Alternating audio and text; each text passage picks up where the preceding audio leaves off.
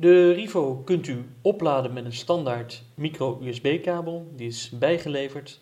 En als u die kabel inplugt, dan voelt u een korte trilling.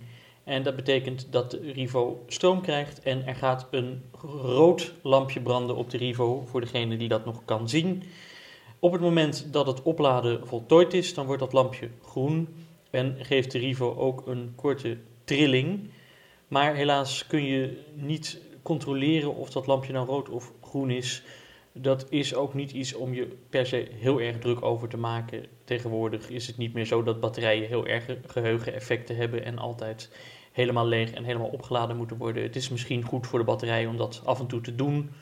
Ik houd zelf aan dat ik mijn apparaten toch wel minstens iedere maand even een keer helemaal leeg laat lopen en weer laat opladen om de batterij in conditie te houden. Maar dat is veel minder belangrijk dan het vroeger was. Als de Rivo dan vol is of redelijk vol, dan kunt u hem aanzetten. En dat doet u door het power knopje. Dat is het knopje bovenop aan de linkerkant, het losse ronde knopje. Dat houdt u een tijdje ingedrukt. En dan voelt u één trilling en die ene trilling betekent dat het apparaat is ingeschakeld. En nou kunt u wel controleren hoe vol de batterij is. Dat doet u door de power knop en het keyboard knopje. En het keyboard knopje is het ronde knopje direct rechts naast de power knop ingedrukt houden. Dus u houdt power ingedrukt en dan tegelijk drukt u op de keyboardknop en dan voelt u als de batterij helemaal vol is, vijf trillingjes. Poep, poep, poep, poep. En dat betekent de batterij is helemaal vol. Is hij iets minder vol, dan voelt u vier trillingjes. Poep, poep, poep, poep. Iets minder vol, drie enzovoort. Dus op die manier kunt u een indicatie krijgen of de batterij is opgeladen. Dat is natuurlijk heel erg mooi, maar u wilt vooral dat de Rivo iets met uw telefoon gaat doen. En daarom moet u hem, net als andere Bluetooth-apparaten die u waarschijnlijk wel kent, koppelen met uw telefoon. Ik heb hier mijn iPhone en dan ga ik op de iPhone naar de applicatie Instellingen. Instellingen. En binnen Instellingen. Instellingen Instellingen. Koptekst. kies ik voor de optie Wifi. Wifi. Bluetooth. Bluetooth. Aan. Knop. Bluetooth aan. En op dat moment kan hij dus de Rivo gaan detecteren. Daarvoor moet Rivo in pairing mode staan. Als u de Rivo nog nooit eerder gebruikt hebt, dan staat hij dat standaard op het moment dat u de Rivo aanzet. En dat wordt bevestigd doordat u drie korte trillingjes voelt. De Rivo die ik hier heb is wel eerder gebruikt, dus dan moet ik hem in pairing mode zetten.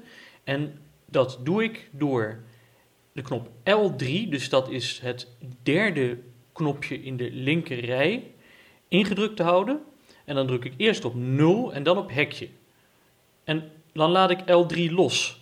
Dus dan voel ik drie korte trillingjes en die betekenen dat Rivo in de pairing mode staat. En dan zien we ook een blauw lampje op het apparaat langzaam knipperen.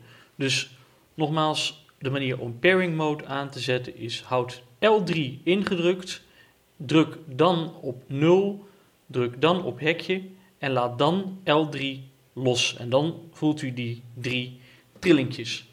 Nu zou mijn Rivo dus detecteerbaar moeten zijn. Bluetooth. Koptekst. Bluetooth, Bluetooth. Aan. Bluetooth aan. Nu detecteerbaar als detecteerbaar iPhone. als Tim's Mijn apparaten. iPhone, Koptekst. mijn Acoustic chip. apparaten, dat zijn Acoustic. apparaten GoPro 6. Rockbox. die ik Andere apparaten. gekoppeld heb. Bezig. Kop. Rivo 2. Ja. 4. 4. Knop. Rivo 2.4.4 en dat 2.4.4 is de firmware versie.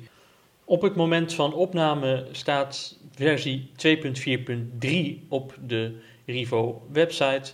Maar als u een versie heeft vroeger dan 2.4.3, dan is het te adviseren om de firmware te updaten. Hoe u dat moet doen, dat kunt u terugvinden op de Rivo website. En als u daar niet uitkomt, dan kan ik u daar zeker ook mee helpen. Het is een iets ingewikkelde procedure, maar wel iets wat iedereen die een beetje handig is met een Windows-computer zelf kan uitvoeren. Vindt u dat toch lastig en heeft u niemand om u daarbij te helpen? U kunt mij, als u mij ergens tegenkomt, altijd even aanspreken. Ik heb dan vaak wel een laptop bij me En dan kan ik het eventjes voor u doen. Dus als u op een beurs bent of waar dan ook, waar ik ook aanwezig ben, dan is dat helemaal geen probleem. En in het allerergste geval kunnen we het apparaat op en neer sturen als het noodzakelijk is om de firmware te updaten en u komt daar zelf niet uit. Inmiddels is de Rivo gekoppeld en standaard gaat het geluid dan over op het speakertje van de Rivo. Laten we dat even testen. Ik druk nu op knop 6. Bluetooth. Koptekst. U hoort nu. Bluetooth, Bluetooth aan uit het speakertje van de Rivo komen. En zometeen ga ik de Rivo voor de volgende opname verbinden met mijn computer, zodat u de spraak van mijn telefoon wat beter kunt verstaan. Het laatste wat ik voor dit stuk nog even behandel is hoe u het geluid nou weer terugkrijgt op uw telefoonspeaker.